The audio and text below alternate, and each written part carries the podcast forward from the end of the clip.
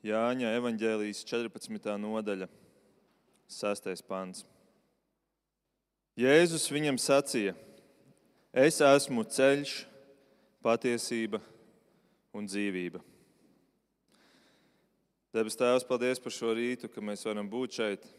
Paldies, ka mēs varam tagad savu skatu vērst uz Tevi, tik uz Tevi vien. Mēs ticam, ka Tavs vārds ir patiesība. Mēs ticam, Jēzu, ka Tu esi patiesība, ka Tu esi dzīvais vārds. Tāpēc nāc un esi Tu tas, kurš esi dzīves, kļūsti dzīves mūsu sirdīs, mūsu prātos un mūsu dzīvēm. Mēs pazemojamies zem Tava vārda autoritātes un lūdzu svētī mūs caur šo pārdomu laiku. To mēs lūdzam Jēzus vārdā. Amen. Lūdzu, sēdieties.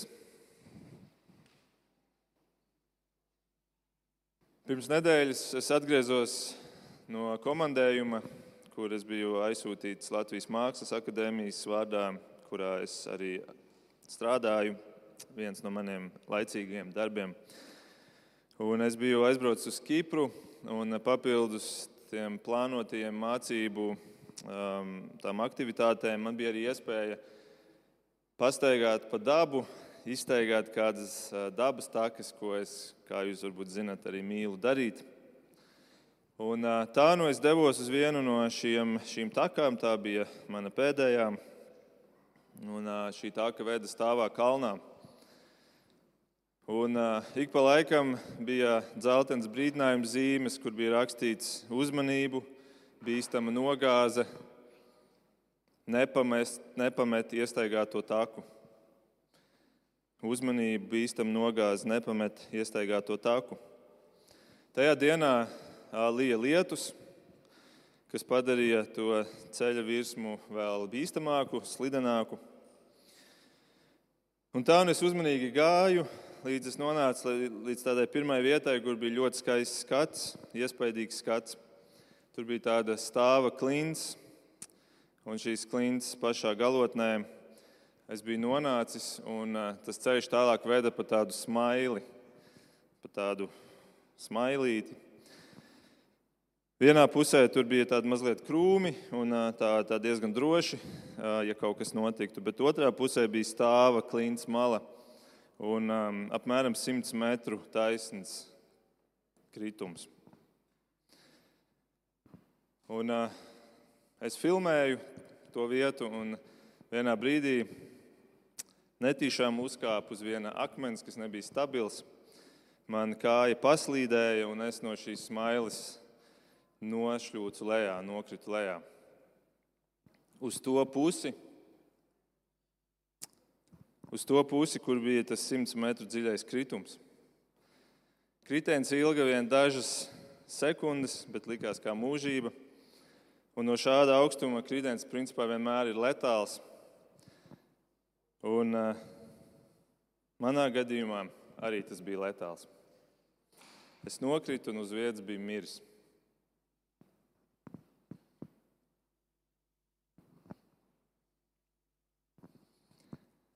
Izskatās, ka jūs man neticat. Jūs man neticat.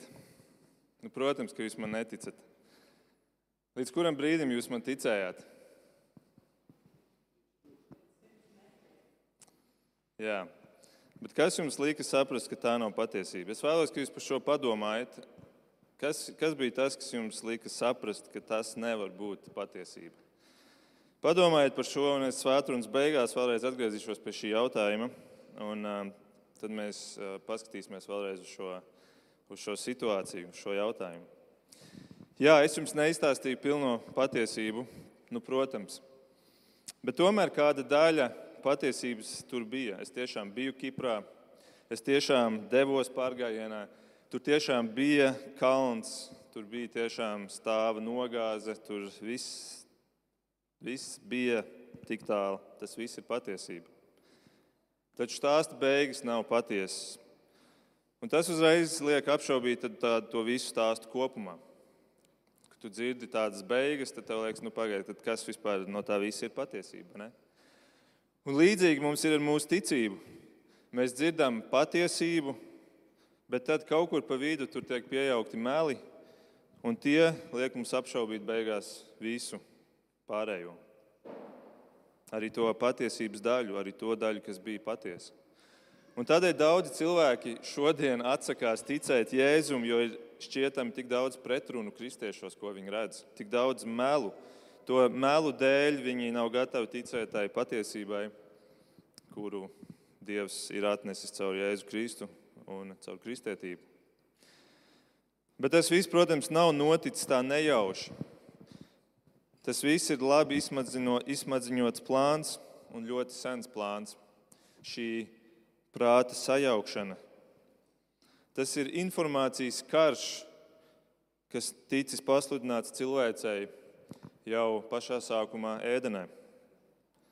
Ja mēs uz brīdi atgriežamies tur uz to pirmo dārzu, atcerieties, Dievs radīja cilvēku un ielika viņu dabā. Dievs tik, cilvēks tika ielikts dabā, līdzīgi kā es šajā pārgājienā devos dabā pa dabas takām. Un tad Dievs iedod informāciju, ko cilvēks var darīt un ko viņš nevar darīt. Kas cilvēkam nāks par labu un kur ir kāda robeža, kur jau draud briesmas. Tātad Dievs iedod cilvēkam tādu ceļvedi, viņš viņam izklāja ceļu, viņš viņam parāda dzīves ceļu, pa kuru cilvēkam vajadzētu iet. Bet tad ierodās Sātans un cilvēku priekšā noliek melus, kas liek apšaubīt šo dieva informāciju, šo dieva ceļu. Dieva patiesībai blakus tiek nolikta cita informācija, kas Dieva patiesībai sāk likt izskatīties neusticamai. Pirmā mūzes 3.1. čūska saka ievai, vai tiešām Dievs sacīja, no visiem dārza kokiem jūs nevarat ēst? Vai tiešām Dievs jums iedeva šādu informāciju? Un tālāk Sādens iedod savu informāciju, kas ir tāda kā baltie meli. 4. un 5. pantā viņš saka, mirt jūs nemirsiet, Jo Dievs zina, ka tajā dienā, kad jūs no tā ēdīsiet, jūs acis atvērsies un jūs būsiet kā Dievs. Jūs zināsiet, kas ir labs un kas ir ļauns. Ko Sātans šeit dara? Viņš pasaka, ka Dievs zina, ka jūsu acis atvērsies. Vai tā ir patiesība? Jā, protams, ka Dievs to zina. Un vai Ādams un Ieva būs kā Dievs tajā aspektā, ka viņi spēs pēkšņi ieraudzīt, kas ir labs un kas ir ļauns? Jā, arī tā ir patiesība. Jo līdz šim brīdim Ādams un Ieva pazīst tikai labo. Viņi vēl nezina, kas ir ļauns. Tātad arī tā ir patiesība. Tātad redziet, Sātens, ko viņš dara, viņš iedod patiesas lietas, viņš iedod patiesu informāciju, bet tad starp šo visu viņš iemaisa melus. Viņš saka, bet jūs nemirsiet. Dievs bija teicis, jūs mirsiet, bet Viņš saka, nē, jūs nemirsiet. Un, protams, viņi mirs gan, garīgi viņi mirs. Bet redziet, šīs divas patiesās lietas pret šo vienu nepatieso lietu. Kopumā jau situācija tajā teiktajā izskatās tīri laba, vai ne? Nu, vairākums ir patiesība. Pārsvars jau ir tur patiesībai. Bet tas ir tāds pirmais piemērs, kā Sātans karo ar informāciju jau kopš ēdienas dārza laikiem. Un tas pats notiek šodien. Informācijas karš, kura krustugunīs esam mēs, un īpaši mēs, kristieši. Šis karš ir tas, kas cenšas mūs novest no dieva ceļa. Novest no tā ceļa, kuru Dievs ir izklājis mūsu priekšā. Šis karš ir tas, kas cenšas mums apšaubīt patiesību vispār varbūt likvidēt tādu ideju par to, ka vispār ir tāda viena patiesība. Kas šodien mūsu postmodernajā vai teiksim, post postmodernajā laikmetā jau sen ir noticis. Un šis informācijas karš galu galā ir domāts, lai atņemtu mums dzīvību, mūsu garīgo dzīvību. Un tieši šīs trīs lietas, ceļu, patiesību un dzīvību, Dievs tomēr atgriež cilvēkam. Caur savu dēlu Jēzu Kristu, kā mēs šodien lasām mūsu tekstā, ko Jēzus saka, es esmu ceļš, patiesība un dzīvība.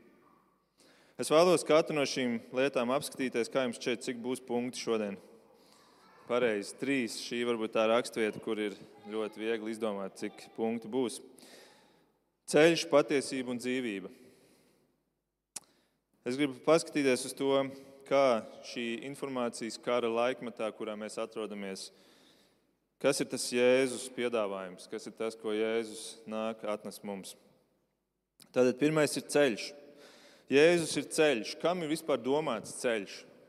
Ko dara ceļš? Nu, labi, ceļš neko nedara, bet kam viņš ir domāts? Ceļš ir domāts, lai tevi aizvestu no punkta A uz punktu B, lai viņš tevi kaut kur aizvestu. Tā tad runa ir par kustību, par virzību.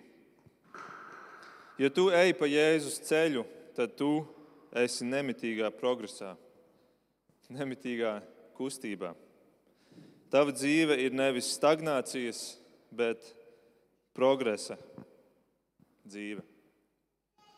Rietumu kultūra kristietības dēļ tik strauji ir attīstījusies, ka šodien mēs redzam, tā ir numur viens gala mērķis bēgļiem.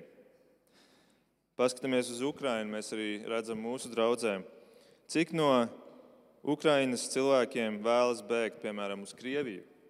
Cik vēlas bēgt uz Sīriju, cik vēlas bēgt uz Turciju, kas nav tālu? un cik vēlas bēgt uz rietumiem. Jo kristietība vienmēr ir bijusi par progresu. Kristietis svētā gara iemājots, jeb kurā iemājo svētais gars, viņš nes augļus. Un šie augļi maina tavu raksturu, un tas raksturs beigās aizved pie darbiem. Un tas ir progress, un tas ir tas, kā rietumu kultūra ir attīstījusies. Un šis progress ir arī tā patiesā kristiešu pazīme, pēc kuras mēs varam kristieti atpazīt. Bet, ja mēs paskatāmies uz šo kāru, kas šobrīd plosās austrumos, mēs redzam, šodien Krievija, kur ir atteikusies no patiesas kristietības un dzīvo zem Krievu pareizticīgās baznīcas kupola, kas no ārpuses ir apzeltīts, bet iekšā ir pilns liekulības. Šī Krievija ir izvēlējusies ceļu uz stagnāciju. Tā vēlas atgriezties kaut kur pagātnē, kaut kur tajā cariskajā impērijā, vai varbūt vēl labāk Padomju Savienībā. Un tā nu šodien caur karu Ukrajinā tā lēnām arī atgriežas uz turieni. Viens tāds spilgts piemērs, tas varbūt nav tas labākais piemērs, bet tomēr viens no spilgtiem piemēriem ir McDonalda situācija Krievijā. Tā bija reiz Krievijas attīstības pazīme, kad atvēra pirmo McDonald's. Jūs varbūt esat redzējuši to video. Tur stāvēja cilvēki rindām dienu, un, un tas bija rekords, cik vienā dienā ir apkalpojis viens McDonald's restorāns cilvēkus. Tas bija simbols, ka mēs esam attīstījušies un esam tagad tuvāk rietumu attīstības līmenim. Tagad tas tiek slēgts un viss tiek atmests atpakaļ 30 gadus. Te nu ir tā padomju savienība. Un to dara tas sautīgums, to dara tā kritušā cilvēka iekāras, kuras plosās. Zakt, ņemt no otra īpašuma. Mans dēls Rūbens man jautāja, kādēļ Krievijai vajag Ukrainu? Tā taču pati ir tik liela. Tieši tā, loģiski, vai ne? Pati jau tur to vislielāko platību uz planētas Zemes bet vajag vēl, un vēl, un vēl. To pašu darīja Sātans. Reiz viņš bija augstākais dieva eņģēlis. Mēs varētu teikt, viņam bija vislielākā platība dieva valstībā no visiem, visām būtnēm. Un kaut arī viņam bija šī vislielākā platība, viņš gribēja vairāk, viņš gribēja kļūt lielāks par pašu radītāju, par dievu. Bet dievbijīgam cilvēkam ir cits ceļš. Dievbijīgam cilvēkam ceļš ir pavisam citādāks. Agūra Jakis dēla vārdiem no sakām vārdiem 30. Sakot, tur ir rakstīts tā: Divas lietas tev lūdzos, neatrauj man tās pirms mirstu. Blēņas un melus liec prom no manis ne trūkumu, ne bagātību nepiešķir man. Dod man tik maizes, cik pienākas, lai nepārādos un nenoliedzu tevi, sacīdams, kas ir kungs, bet lai tomēr netieku nabaks, ka nesāku zakt, ka neaptraipu savu dieva vārdu. Pieticība, pateicība, paklausība tam, ko Dievs tev ir ierādījis. Ar tādu sirds stāvokli sekošana Kristum pa viņa ceļu. Tas ir tas dievbijīgā cilvēka ceļš. Cilvēks, kuram pietiek ar to, ko Dievs viņam ir devis. Bet mēs redzam, tas ir tik nedabiski kritušiem cilvēkam. Kritušais cilvēks grib vairāk, viņam nepietiek ar Dieva doto. Viņš ir ļoti, ļoti atvērts jaunai informācijai. Viņš ir gatavs dzirdēt kaut kādus piedāvājumus, kas viņam varbūt aizvedīs tālāk, ļaus viņam iegūt vairāk nekā to, ko Dievs viņam ir paredzējis. Padomājiet, pat grēkā vēl nekritušie Ādams un Ieva bija gatavi uzklausīt šo jauno informāciju. Ārprāt, cik cilvēks ir viegli manipulējams. Sātans nerāva Ādamu un Ievu ar varu vai spēku prom no šī dieva ceļa. Nē, viņš vienkārši iedeva maldinošu, bet ausīm iekārojamu jaunu informāciju. Un kad Jēzus pēc tam kalna svētdienā paskaidro atšķirību starp dieva ceļu un šo sātena jauno ceļu, viņš pirmo nosauc par šauru ceļu un otro nosauc par platu ceļu. Ar to parādot, ka tas, ko izdarīja Ādams un Ieva, pēc tam ir izdarījuši ļoti daudz cilvēki. Daudz vairāk cilvēku ir paklausījuši sātena piedāvājumam nekā izvēlējušies iet pa dievu ceļu. Tas mums parāda, cik informācijai ir liels spēks, cik viegli mēs esam manipulējami, cik viegli ar mums manipulēt. Es aicinu atšķiriet ar mani īsi uz Mateja evaņģēlijas 7. nodaļu. Nu, jūs varat arī nešķirt, ja mums būs uz ekrāna, bet tur Jēzus runā par šo šauro un plato ceļu. Mateja 7, 13, 14 pāns. Viņš saka, ieiet pa šaurajiem vārtiem, jo plati ir vārti un plats ir ceļš, kas ved pazušanā, un daudzi pa tiem ieiet.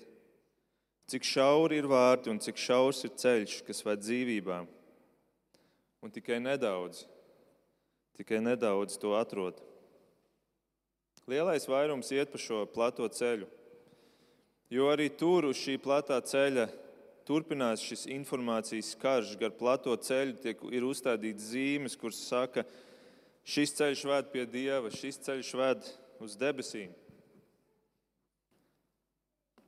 Un cilvēki, kur iet pa šo ceļu, ir ļoti grūti apstādināmi. Viņus ir ļoti grūti apturēt un pārliecināt par to, ka šis ceļš nevedīs uz turieni. Bet, te, kad mēs paskatāmies uz šauro ceļu, mēs redzam, ka Jēzus atkal un atkal ir uzstādījis zīmītes, dzeltenas brīdinājuma zīmes, ja mēs tā gribam teikt. Tur ir rakstīts, uzmanies, te ir klintis, te ir krauja, te ir aiza, nepaslīdi, esi vērīgs. Kā uz tās takas, pa kuru es gāju Kiprā, un es nenokrītu, arī pateicoties šīm zīmēm. Es biju īpaši vērīgs, ja jau cilvēki tur ir uzstādījuši šīs zīmes. Kad Jēzus Kalnu svētdienā Mateja 7 runā par šo šauro ceļu, turpat blakus viņš dod šīs brīdinājuma zīmes.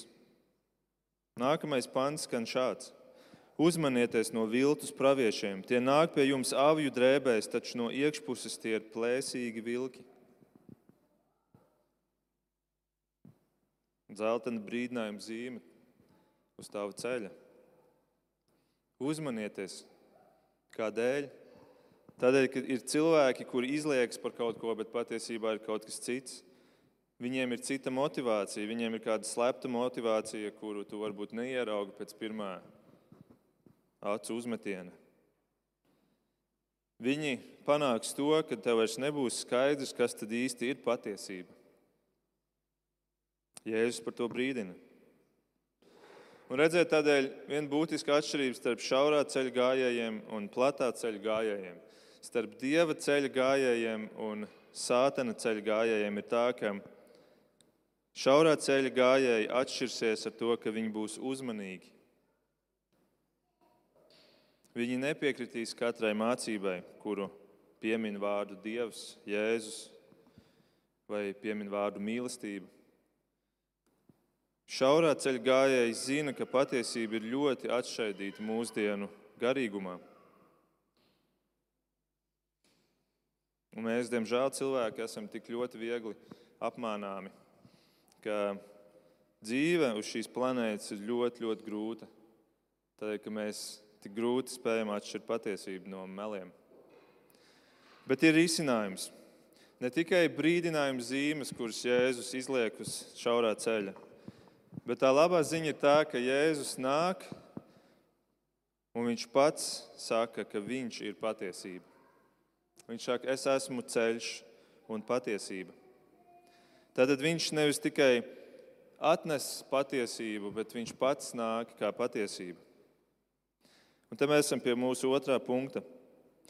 Ja mēs šodien runājam par patiesību, tad varbūt tas antonīms, tas pretstats, kas mums nāk prātā, īpaši šajā laikā, būtu vārds propaganda. Jā, mēs klausāmies ziņas, un tad vienā pusē mēs dzirdam, ka tā ir patiesība, ko runā par šiem notikumiem, bet otrā pusē ir propaganda, kas stāsta pretējo un stāsta melus.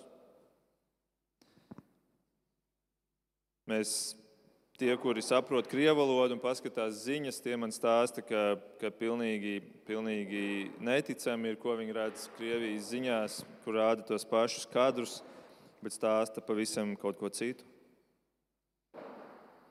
Mēs zinām, internetā tiek aktivizēti tā saucamie troļļi, kuri mēģina radīt to ilūziju, ka šis melu viedoklis ir tas izplatītais, tas ir tas patiesais. Un tā šī propaganda izdara milzīgu ļaunumu šodien.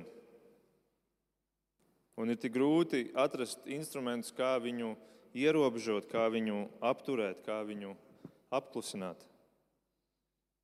Propagandas sākas mēs redzam arī citur, ne tikai Krievijā, piemēram, Ziemeļkorejā. Es nezinu, vai es kādreiz to esmu jums jau stādījis, bet Ziemeļkorejā savai, savai tautai, Ziemeļkorejai savai tautai televīzijas ziņās pirms nu, jau kāda laika paziņoja, ka viņi ir pirmā valsts pasaulē, kas ir sasniegusi Sauli, kas ir aizlidojuši uz Sauli, astronauti un ir veiksmīgi atgriezušies atpakaļ. Viņi ir pirmā valsts pasaulē, kura tagad ir ar šo lielo sasniegumu. Jā, nu, liekas smieklīgi, bet tas ir briesmīgi, ka cilvēki tiek novesti līdz tādam līmenim, ka viņi to klausās un ka viņiem smadzenes ir tik ļoti izkalotas, ka viņi to arī spēja uzņemt un tam notic. Un te nu mēs sakam tagad sev, cik labi, ka ar mums tā nav, vai ne? Cik labi, ka mēs esam tajā pareizajā pusē. Cik labi, ka mēs neesam ne Krievijā, ne Ziemeļkorejā, ne kādās citās propagandas piesārņotās vietās pasaulē. Bet mēs esam piemēram Facebook, fake news impērijā. Es lasīju arī kādu apbrīnojumu stāstu Facebook, ka kaut kur Āzijā, kādā kalnu alā, esot atrasts vientuļš, vientuļš mūks. Viņš gulēja, knapi kustējās, bet viņš bija dzīves. Un tad tie, kas viņu atrada, noskaidroja, ka viņam ir ap 200 gadu. Viņš ir ap 200 gadu vecs. Un, kad pārmeklēja viņa mantas, tad Somā atrada vienu mazu lapiņu, uz kuras bija rakstīts: Netici visam, kas rakstīts Facebook. Mēs paši esam tik ievainojami, mēs to varbūt nejūtam. Cik mēs neesam dalījušies ar nepārbaudītām ziņām, kas vēlāk izrādījušās nepatiesas. Ne? Tas ir vienkārši labs atgādinājums, cik cik mēs esam viegli iespaidojami, cik informācijai ir liels spēks, cik ļoti liela vara ir informācijai. Tik liela vara, ka par to tiek karots. Patiesībā pirms Krievija sāk šaut raķetes, tika izcīnīts informācijas karš, lai tas vispār varētu notikt. un tas joprojām tiek vēsts. Bet ne tikai tur, tas ir karš, kas notiek mūsu dzīvēs katru dienu. Un tādēļ, ka karš ir tik ļoti nopietna lieta, Dievs arī tam pieiet ļoti nopietni. Tik nopietni, ka Jēzus pats sevi nosauc par patiesību. Jēzus pats sevi personificē patiesību. Padomājiet, tas, tas īstenībā nav nemaz tik, tik pašsaprotami.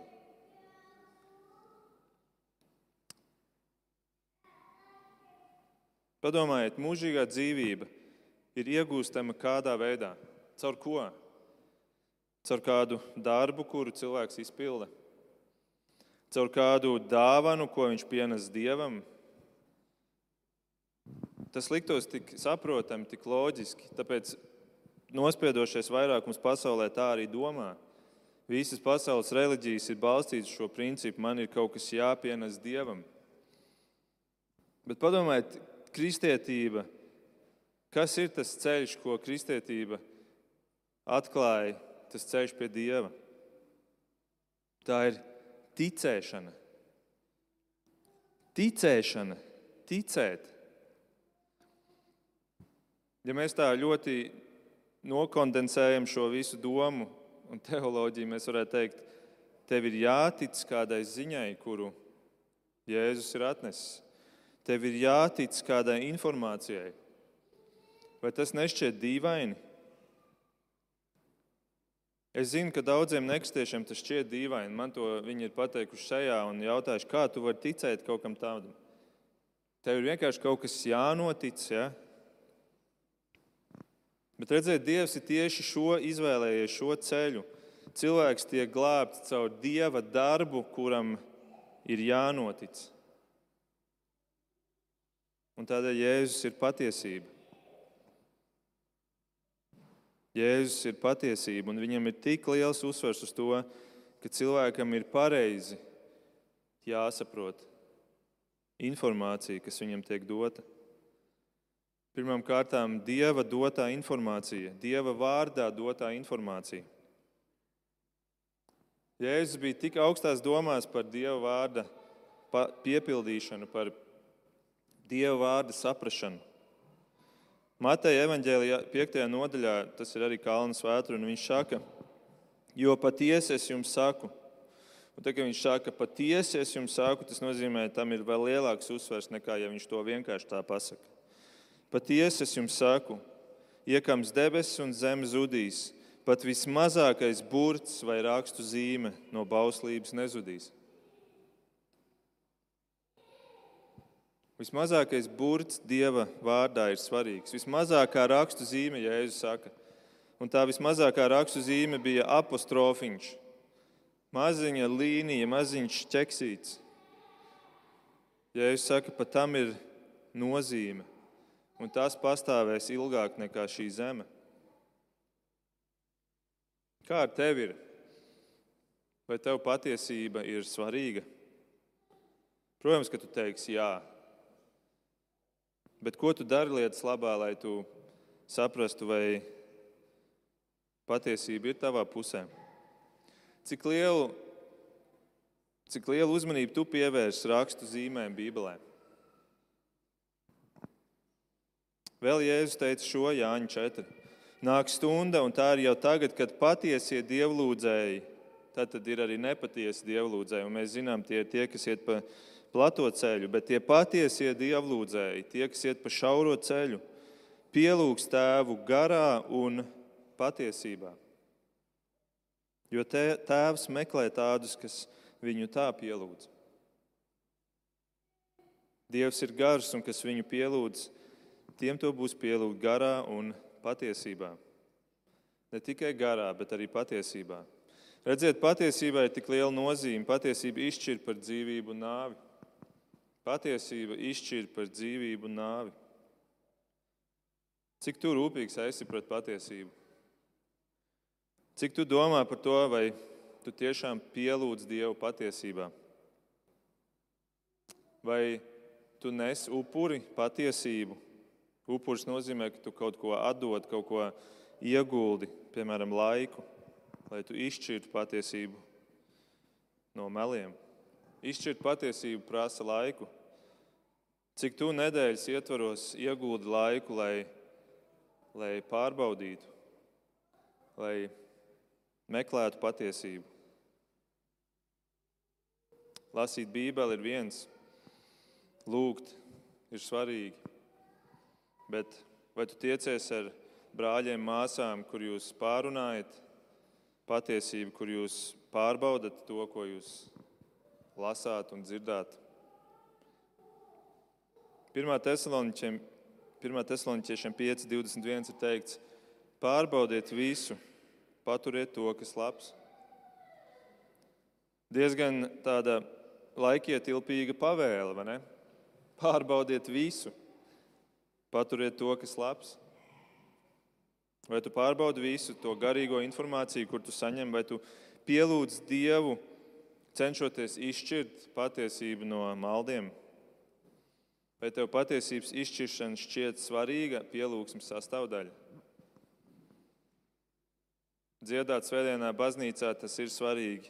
Tā ir pielūgsme. Darboties, kalpot, tā ir pielūgsmes pazīme. Bet Bībele saka, ka Dievs sagaida, ka tu viņu pielūdz patiesībā. Vai šī pielūgsmes sastāvdaļa ir svarīga tev? Šodien patiesība ir ļoti nepopulārs vārds. Katram jau ir sava patiesība, ne?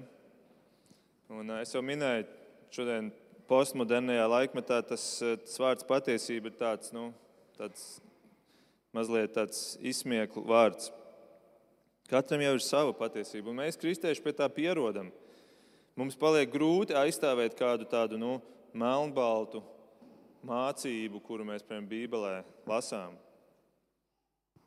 Mums liekas, nu, nevajag jau uztvert tik nopietni. Bet Jēzus uztvēra nopietni. Viņam vārds patiesība ir, vienā, ir ar vienādojumu zīmi vārdam Jēzus.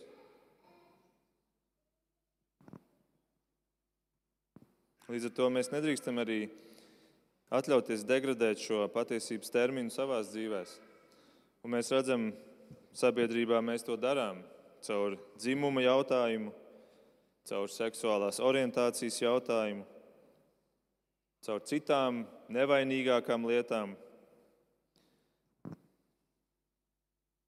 Mēs sevi ielaižam ļoti daudz informācijas. Jautājums, cik daudz no tā mēs šķirojam caur mūziku. Mums liekas, jā, ka galvenais jau ir, ka, lai ir kristīgi vārdi, bet Tas nekas, ka pašam autoram ir apšaubām teoloģiska nostāja. Mēs to darām caur grāmatām, kuras mēs lasām, caur svētdienām, kuras mēs klausāmies, kuras varbūt neatbilst veselīgai mācībai. Bet mums patīk kādas, kādas daļas, kāda pieeja, mums patīk varbūt tas orators, cik viņš labi runā. Un mums šķiet, nu, man jau tas neietekmēs. Jā, tur ir daļa tā, tie maldi iekšā, bet man jau tas neietekmēs, jo es esmu stiprs.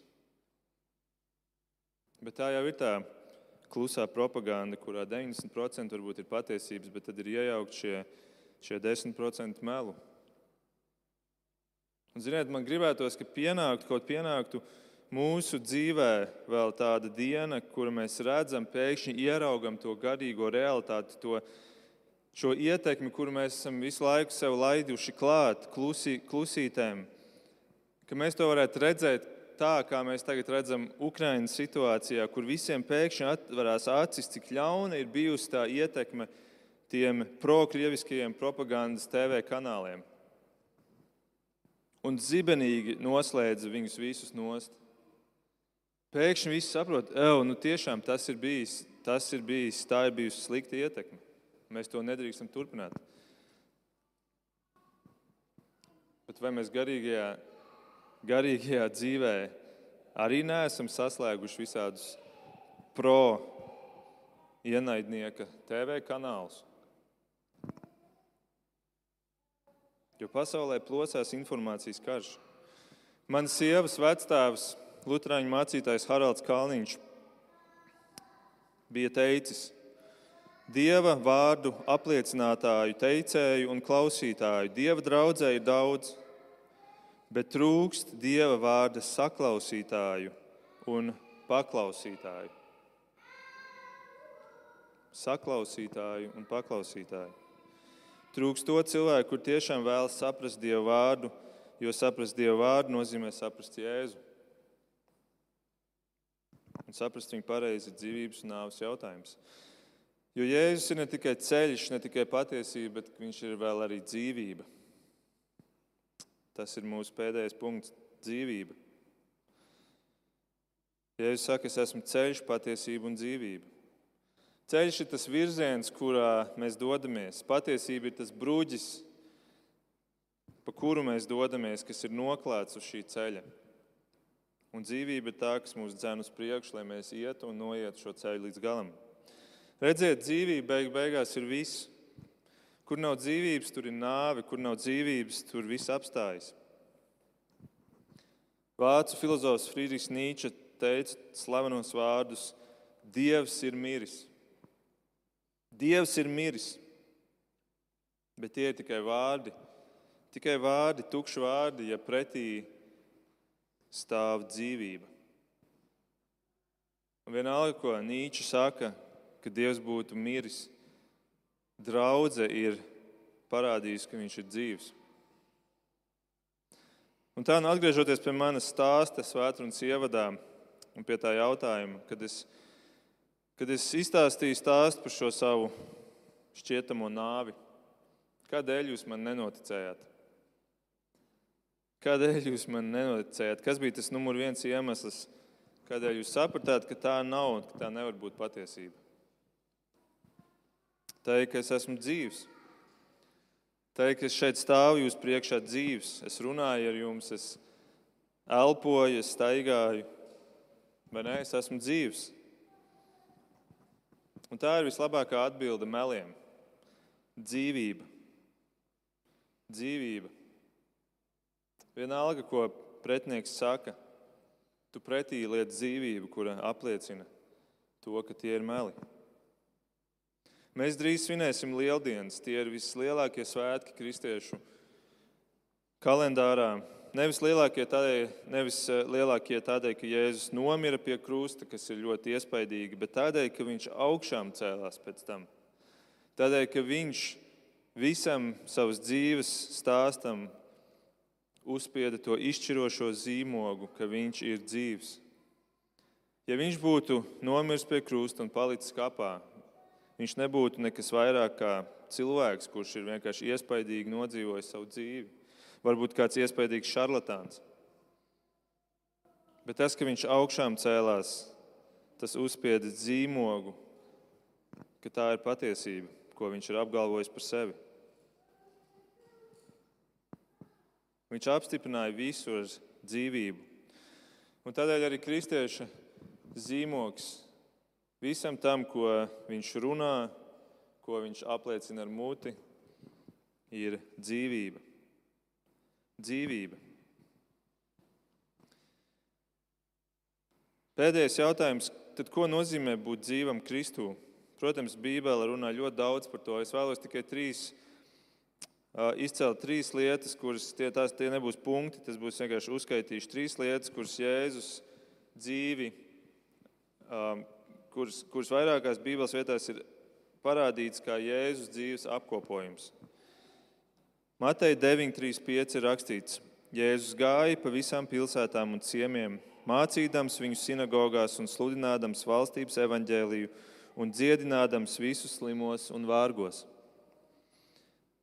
Jēzus dzīve bija, ja tā grib, ietveram trīs vārdos. Viņš mācīja, viņš sludināja un viņš dziedināja. Un tas ir arī tāds ceļvedis mums kam vajadzētu būt redzamam mums, ja mēs esam dzīvi Kristū. Ka mēs mācām, tas nozīmē, pirmām kārtām mēs paši mācāmies. Mēs skatāmies, ko Dievs saka par katru mūsu dzīves situāciju, ko Bībele māca. Un tad mēs esam tie, kuri šo dod tālāk. Ir ļoti nožēlojami, ja cilvēks ir ilgi jau draudzē, bet viņš nevienu citu tālāk nemāca. Viņš nemāca bērnus, nemāca svētdienas skolu, nemāca jaunos kristiešus. Bet tā ir svarīga sastāvdaļa dzīvam cilvēkam. Viņš to skaisto, priecīgo mācību, kur viņš pats saņem sev, viņš gribēs to dot tālāk. Un to es varu arī apliecināt no savas dzīves. Es nekad neesmu plānojis, nebiju plānojis kļūt par mācītāju, bet tad, kad es sāku saņemt to, to mācību, es viņu gribēju dot tālāk. Otra lieta - sludināt evaņģēlīju. Ja mācīšana ir ticīgajiem, tad evaņģēlījas sludināšana ir neticīgajiem. Tu pasaulē pasludini Dieva labo vēsti, evaņģēlīju. Un trešais ir dziedināšana, kas ir tie mīlestības darbi. Draudze šodien dziedina cilvēkus caur lūgšanām. Mēs to darām, bet tu vari arī dziedināt caur praktisku palīdzību. Tu vari dziedināt dvēseles. Un mēs arī mēģinām to kā draudz arī darīt šajā laikā, kad ir Ukrainā cietuši cilvēki. Arī katra mazā palīdzība, kur jūs sniedzat ar savu atbalstu, tā ir maza, mazs piliens tajā dziedinošajā ūdenī, kuru mēs dodam viņiem tajās zālēs, kuras mēs varbūt garīgā, morālā veidā dodam, bet arī praktiskā. Tā nu Jēzus saka, es esmu ceļš, patiesība un dzīvība.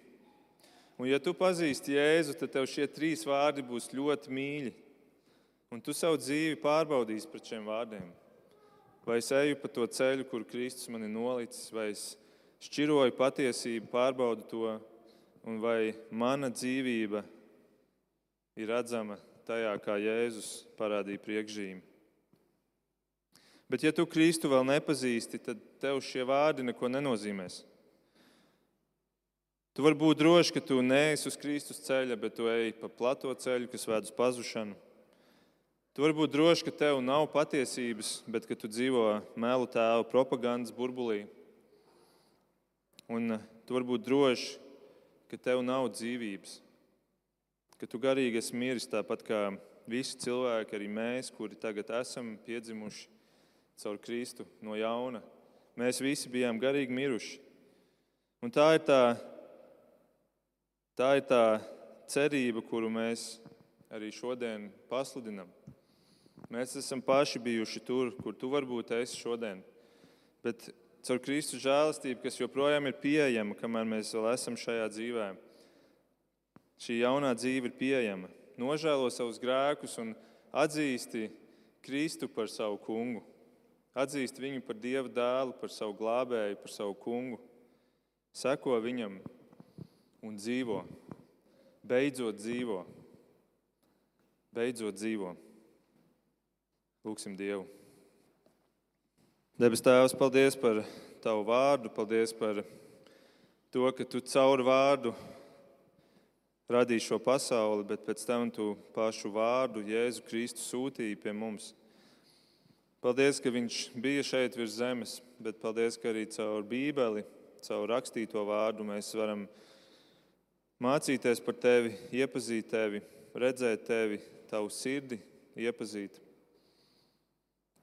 Lūdzu, debes Tēvs, pasargi mūs šajā informācijas karā, kurā mēs dzīvojam. Tu esi patiesība un tikai tu esi uzticams. Palīdz, ka mēs katrs, kas dzird šos vārdus savā dzīvē, savas dzīves laikā, varētu atsaukties tev un pieņemt tavu lielo žēlastībā sūtīto mīlestības dāvanu, tavu upuri, kur tu nomiri par grēkiem, kurus mēs esam darījuši, par grēkiem, kur dēļ mēs nevaram tuvoties Dievam, un ka tu esi gatavs savu tīro dzīvi atmainīt pret mūsu grēcīgo dzīvi. Tā ir patiesība. Un palīdz mums to saprast. Lūdzu, apžēlojies par katru, kurš savā sirds apcietinājumā to negrib pieņemt. Un eh, mums, kuri esam jau uz tavu šaurā ceļa, palīdz, ka mēs arī ievērotu tās brīdinājuma zīmes, kuras tu esi izlicis, tā lai mēs paši varam dzīvot svētītas dzīves, bet arī, ka citi skatītos uz mums, ka viņi varētu teikt, ka šim cilvēkam ir drošība zem kājām. Arī šajā nemierīgajā laikā viņš netiek sagrauts, bet viņš ir drošs. Viņam ir kaut kāds pamats zem kājām, kas viņam liek būt drošam. Lūdzu, svētī mūsu kungs. To lūdzam Jēzus vārdā. Amen.